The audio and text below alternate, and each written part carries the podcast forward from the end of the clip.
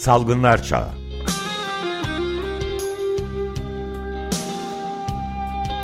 Pandemide Sağlık.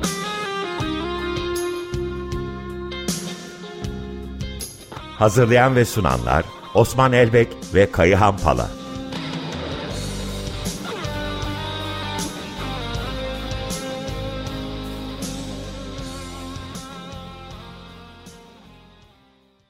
Günaydınlar, merhabalar. Pandemide sağlık başladı. Osman Bey, Kayahan Bey merhabalar. Günaydın. Günaydın. Günaydın. Ne var? Gündemimiz o kadar dolu, dolu ki nereden başlayacağız? Buyurun. İsterseniz e, Ömer Bey hani yeni bir savaşın eşinde olduğunuz vurgusuna e, eski savaşın insan faturasını, insan bilançosunu hatırlayarak destek sunarak başlayalım. Ee, Rusya'nın Ukrayna işgali nedeniyle başlayan e, savaşta bugün itibariyle 6 milyondan fazla insan ülke içinde yerinden edildi. 8 milyondan fazla insan ülke dışına mülteci olarak çıkmak zorunda kaldı. 10 binden fazla sivil kayıp gelişti. 5 bin sivil insan öldü ve 323 sağlık kurumuna saldırı düzenlendi. Adına ister savaş deyin, ister çatışma deyin, ister operasyon deyin, ister işgal deyin, silahların konuştuğu yerde insani bedel bu oluyor. Bu yüzden her yeni silahların konuşma sürecinde bunları hatırlamak lazım. Tabii bir taraftan bunları söylerken bir taraftan da bu ülkede bir futbol karşılaşmasında bu insani kayıpları görmezden gelecek biçimde Putin tezahüratlarının atılıyor olması hani bu toplumun akıl ruh sağlığı ile ilgili ciddi bir problem olduğuna işaret ediyor. Ee, yine e, hani toplum sağlığımız bozuluyor diye kaygımız var. Ee, örneğin e, aşıyı savunan bilim insanlarına son Sayın Şenol'un özelinde olmak kaydıyla ama sadece ona indirgenemeyecek şekilde e, ulaşan tehditler, e, hedef göstermeler, e, Bursa e, acilde hekime maske takın uyarısının arkasından yönelen şiddet bu toplumsal sağlık sorunumuzun bayağı köklü olduğuna işaret ediyor. Daha da bundan elim ve vahim olanı bu tür aşıyı savunan, e, pandemi ortamında bilimsi gayri, e, savunmaya gayret eden, toplumu uyarmaya gayret eden insanlara, hekimlere yönelen e, tehditlere karşı Sağlık Bakanı'nın sessiz kalması, bir tweet dahi paylaşmaması. Üçüncüsü e, maymun çiçeği. E, tüm tıp tarihinde ve insanlık tarihinde bulaşıcı hastalıklar damgalamanın bir e, parçası olarak kullanılmıştır egemen iktidarlar tarafından. E, son yıllarda Dünya Sağlık Örgütü bu damgalamalara çok dikkat ediyor. Covid'in adının tariflenmesinden başlayacak bir şekilde. Ama görüyoruz ki son günlerde sosyal medyada özellikle maymun çiçeği e, hastalığı eşcinsel damgalamasına dönmeye başladı. Tıpkı HIV'in ilk başlangıçta, AIDS'in, e, AIDS hastalığının ilk başlangıçta eşcinsellere hedef gösterdiği gibi maymun çiçeği de eşcinselliği bir tür hedef gösterme, bir tür damgalamaya dönüştürülmeye başlandı. Bu ciddi bir problem. Bir de son olarak aklıma gelen Türkiye Büyük Millet Meclisi'nin bu ortamda şiddeti konuşmak, sağlık ortamında yaşanan şiddeti konuşmak için bir araya gelememesi. Bunlar bizim toplum sağlığımızı ciddi düzeyde problemli olduğuna işaret ediyor ama toplumların sağlığı bozulduğu zaman düzeltecek olan tıp doktorları değildir. Siyaset bozar toplumların sağlığını. O yüzden siyaset düzeltmeli ama gidişatın iyi olmadığını düşünüyorum. Bilmiyorum Kayan sen ne dersin? Aklıma peş peşe bunlar geldi. Eh, çok haklısın Osman. Senin söylediklerini tekrar etmek istemem ama özellikle burada sevgili Esin Hoca'ya geçmiş olsun demek isterim. Çünkü Esin Davutoğlu Şenol bu salgının başlangıcından bu yana bir bilim insanı olarak bilimin öngörülerini, kendi bilimsel bilgilerini toplumla paylaşmak için çok özel çaba tüketen meslektaşlarımızdan bir tanesi. Gelinen noktada onu ölümle tehdit eden bir e, zanlının yalnızca ifadesi alınarak salı verilmesi, sonrasında da durmak yok, yola devam biçiminde açıklamalarıyla tekrar aşı karşıtı diye bilinen çevreyi yeni bir e, eylemlilik sürecine davet eden açıklamalarına seyirci kalınması gerçekten anlaşılır gibi değil. Her şeyi bir kenara bıraktım. bu vurguyu bir kez de ben yapayım. Sağlık Bakanlığı'nın bu konuda sessiz kalıyor olması, kendi üniversitesinin tıp fakültesi dekanlığının sessiz kalıyor olması da kabul edilebilir değil. Senin de dikkatini çekmiştir. Örneğin Ankara Tıp'ta öğretim üyeleri Esin Şenol yalnız değildir diye açıklama yapıyorlar. Ama kendisinin mensup olduğu fakülteden böyle bir desteği yalnızca öğrenci düzeyinde görebiliyoruz. En azından şu ana kadar. Kendisine geçmiş olsun diyorum. Ve bunun yalnızca aşı karşıtlığı filan meselesiyle açıklanamayacak daha başka bir arka plan olduğunu, sağlıkta şiddetin de bir parçası olduğunu ama onunla da sınırlı olmadığını ben en azından düşündüğümü vurgulamak isterim. Bu bölümle ilgili de şunu söyleyerek bitireyim Osman. Yani biz halk sağlıkçılar zaten uzun yıllardır bunu söylüyoruz. Savaş bir halk sağlığı sorunudur. Dolayısıyla şu anda yalnızca Rusya ve Ukrayna arasındaki savaş ve çatışmanın değil, şimdi Çin'den gelen bir küresel tehdidin de bizi çok can sıkıcı bir ortama sürüklediğini de vurgulamak isterim. Ama bunun arka planında silah endüstrisinin dünyanın en fazla kar elde edilen endüstrilerinden birisi olması ve siyasi karar vericilerin de bu endüstriyi desteklemek için ellerinden gelen her şeyi yapıyor olması maalesef insanlığı çok kötü yeni bir savaşın eşiğine doğru sürüklüyor gibi görünüyor. Umarım olmaz ama duruma biraz da böyle bakmak lazım sanırım. E, Covid pandemisine dönersek, Covid pandemisinden o noktadayız. Dünya Sağlık Örgütü haftalık durum raporunu beklendiği üzere dün akşam itibariyle yayınladı. E, vaka sayıları bir önceki haftayla benzer bir şekilde yaklaşık 6,5 milyon sınırında. Ölüm sayılarında ise bir önceki e, haftaya göre artış var. 12 binlerden 14 binlere doğru yükseldi. E, Dünya Sağlık Örgütü bölgelerinde iki bölgede Batı Pasifik ve Afrika'da hem vaka hem de ölümler artıyor. Güneyde Asya'da ve Doğu Akdeniz'de ise ölümler artıyor. E, en fazla vaka saptanan ülkeler arasında e, bir değişiklik oldu. Japonya %42 vaka artışıyla birinci sıraya oturdu. Ölümlerde de enteresan bir vaziyette klasik olarak Amerika Birleşik Devletleri, Brezilya ve İtalya'nın arkasından iki beklenmedik ülke girdi. Japonya %141 oranında bir ölüm artışı. Peşi sırada Avustralya %24. Bu iki ülkeye de bakarsak Japonya günlük 200 bin sınırına vardı vaka artışında. BA5'in ciddi bir salgını var. Avustralya'da ise 40 binin üstünde günlük vaka saptanıyor. Her iki ülkede de günlük 90'ın üstünde COVID-19'a bağlı ölüm var. Tabi Avustralya'nın nüfusu çok daha az olduğu için 100 binde vaka sayısı 1203'e ulaştı. Avustralya enteresan. Çünkü güney yarım kürede olduğu için önümüzü görmek açısından bir tür e, kılavuz e, Nisan'dan itibaren Avustralya'da Covid-19 salgının yanı sıra bir influenza salgını yaşanıyor. Klasik grip salgını yaşanıyor. E, biz aslında bu salgını bir yıl önce bekliyorduk ama geçen yıl olmamıştı. E, bu yıl Avustralya'da normalde Haziran'da beklenen e, influenza salgını Nisan'da başladı. Yani iki ay kadar daha önce başladı. E, insanların e, iki yıldan daha fazla süredir influenza ile temas göstermemesi, vücutta influenza'ya e, koruyan antikorların bulunmaması bir influenza salgınını bekletiyordu zaten bizim için. Influenza ve Covid salgını birlikte yaşıyor şu an Avustralya ki Haziran ortasından itibaren Covid'de BA5 salgınıyla arttı. Temmuz'da pik yaptı. E, bu bizim açımızdan şöyle önemli. E, Avustralya'nın yaşadığını Kuzey Yarımküre sonbaharda yaşayacak.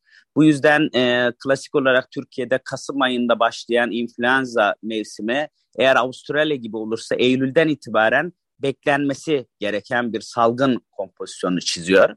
E, bu yüzden Eylül'le birlikte influenza artı Covid'i görme ihtimalimiz son derece yüksek Türkiye'de de, Kuzey Yarımküre'de de. E, biliyorsunuz okullar açılıyor ve 12 yaş e, altında çocuklarımızın tüm aşısız okula gidecek. Ee, okulların özellikle devlet okulların kalabalık olması ve 3 yıldır herhangi bir e, havalandırmadan e, nüfus sayısını, öğrenci sayısını azaltma yönelik hiçbir politikanın yapılmaması, günlük çok yüksek bir e, sayıyla sonbahara gireceğiz COVID açısından. İnfluenza ile de buluştuğu zaman ciddi bir probleme neden olacağını düşünüyorum. E, çok kısa Türkiye verisini verip e, Kayağan'a e, görüşünü bırakmak istiyorum. Çok kısa vereceğim. Çünkü Türkiye beklendiği üzere geçmiş hafta Dünya Sağlık Örgütü'nden farklı olarak verisini hep geç açıklayan ülke. açıklamadı. 25-31 Temmuz'da haftalık açıklıyordu normalde. Ne kadar vaka ve ölüm olduğunu bugün 4 Ağustos tarihi itibariyle bilmiyoruz. Ölümlere dair bir takım e, vurgular yapmak istiyorum. Örneğin Sarkaç'ta yayınlanan veriyi dikkatinize sunmak isterim. 23-29 Temmuz'da İstanbul'da fazladan günde 230 ölüm oluyor. Bu bir yıl önceki bulaşıcı hastalık ölümlerine benzer bir artış trendinde. Ee, bizim daha iyi veri kaynaklarımızdan derlediğimize göre İstanbul'da sadece Temmuz ayında bulaşıcı hastalık COVID-19 ölümü 446 kişi.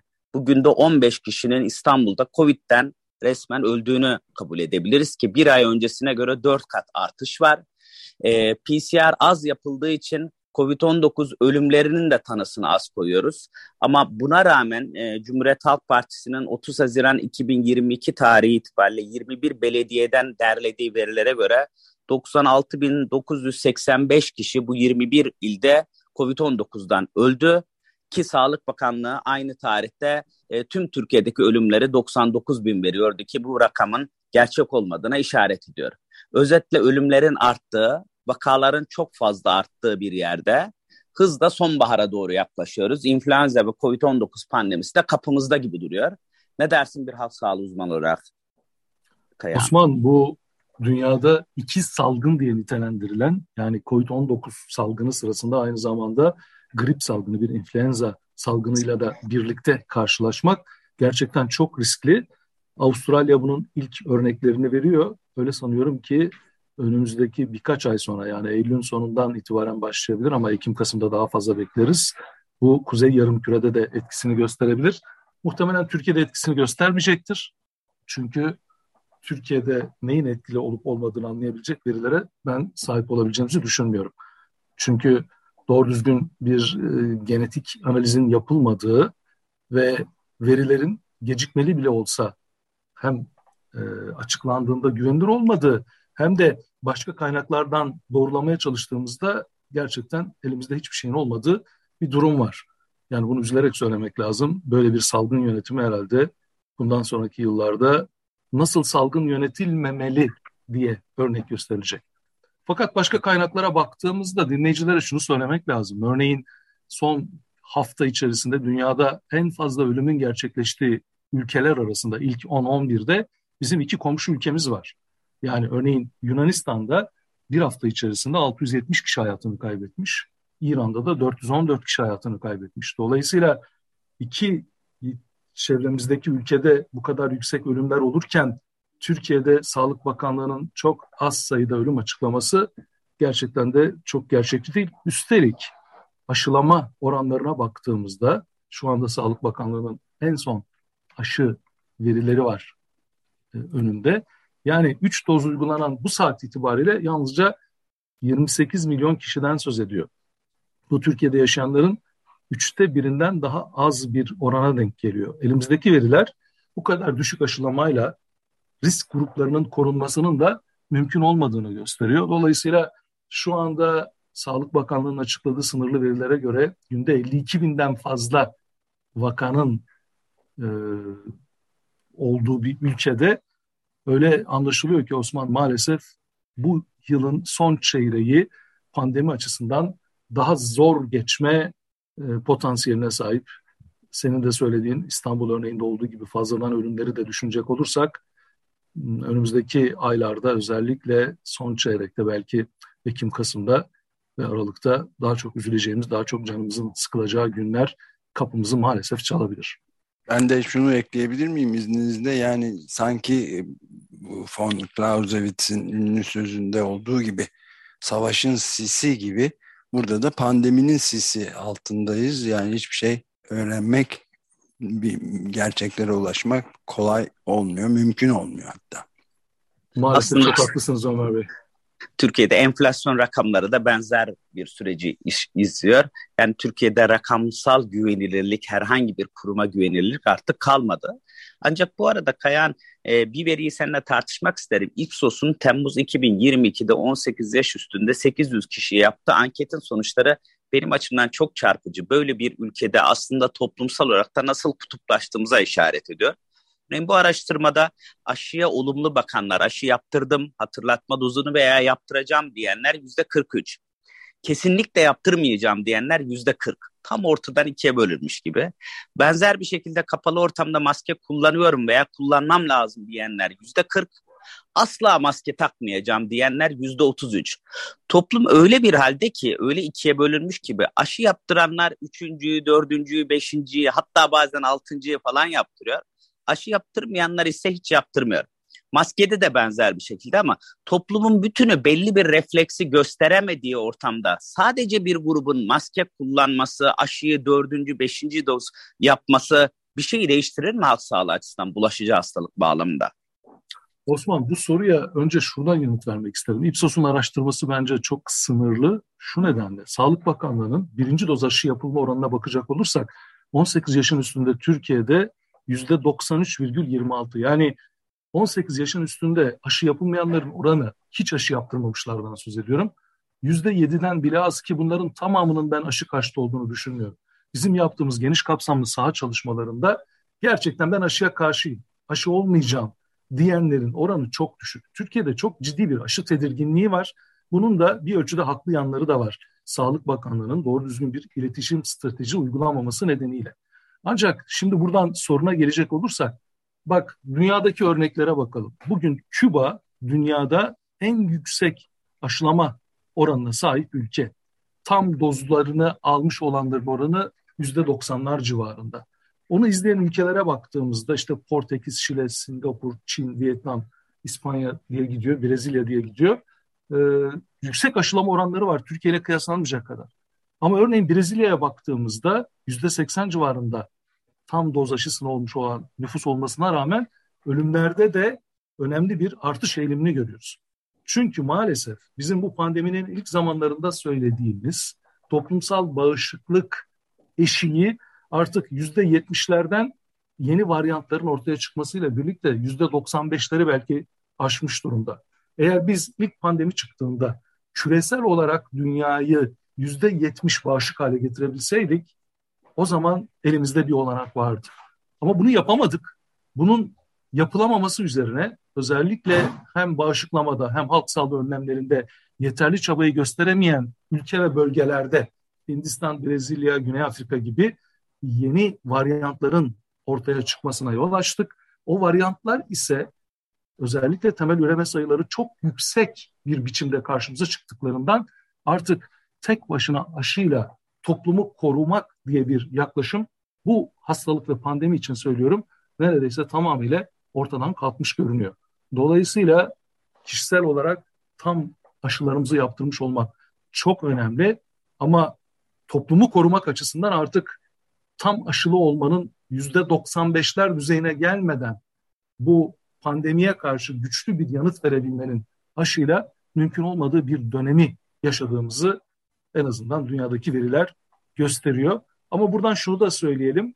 Özellikle halen ülkemizde de kullanılmakta olan iki aşının hem Biontech aşısının hem de Coronavac aşısının halen hastalıktan koruma düzeyinde etkili olduğunu ama özellikle ağır hastalıktan, yoğun bakıma yatıştan ve ölümlerden çok büyük ölçüde koruduğunda vurgulamamız gerekir. İstersen buradan geçen hafta yayınlanan önemli bir araştırmaya atıfta evet, bulunayım. Evet.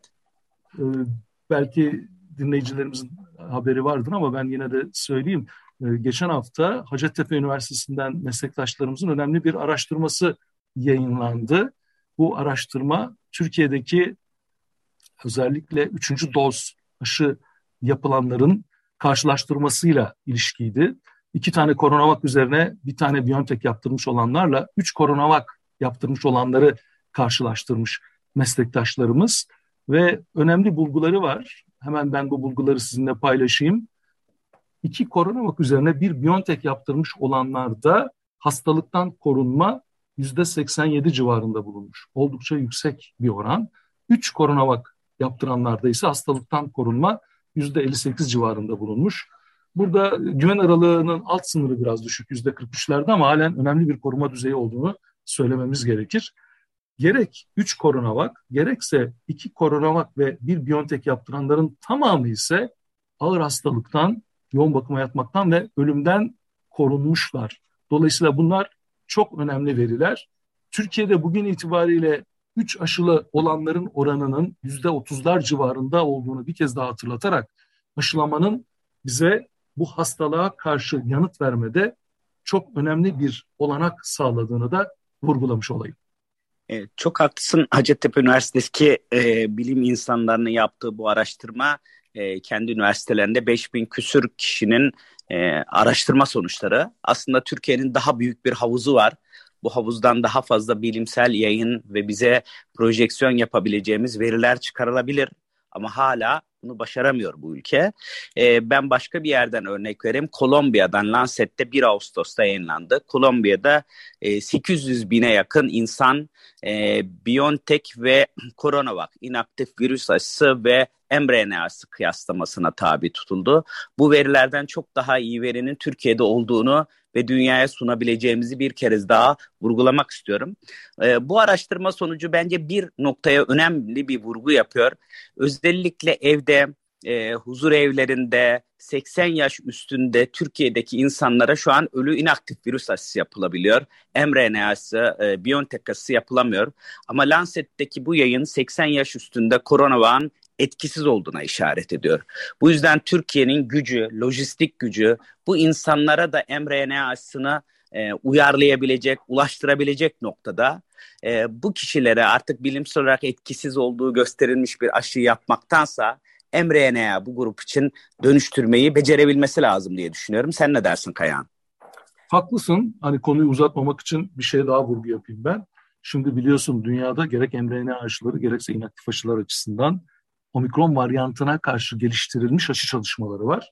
Henüz bunlar çok gündeme getirilmedi. Bir yandan Sağlık Bakanlığı'nın bu aşıları elde etmek için de nasıl bir çaba gösterdiğini topluma yansıtmasında büyük yarar var. Şu ana kadar ben hiçbir şey duymadım.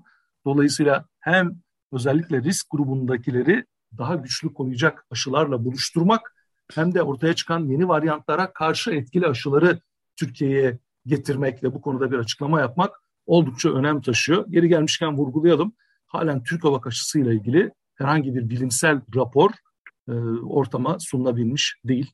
Onu da söylemek isterim Osman. Yavaş yavaş sona gelirken ben iki araştırmaya atıfta bulunarak e, yorumunu da isteyeceğim. E, biri geçtiğimiz programda da söylemiştik. Omikronla birlikte bulaştırma gün sayısında bir artış var.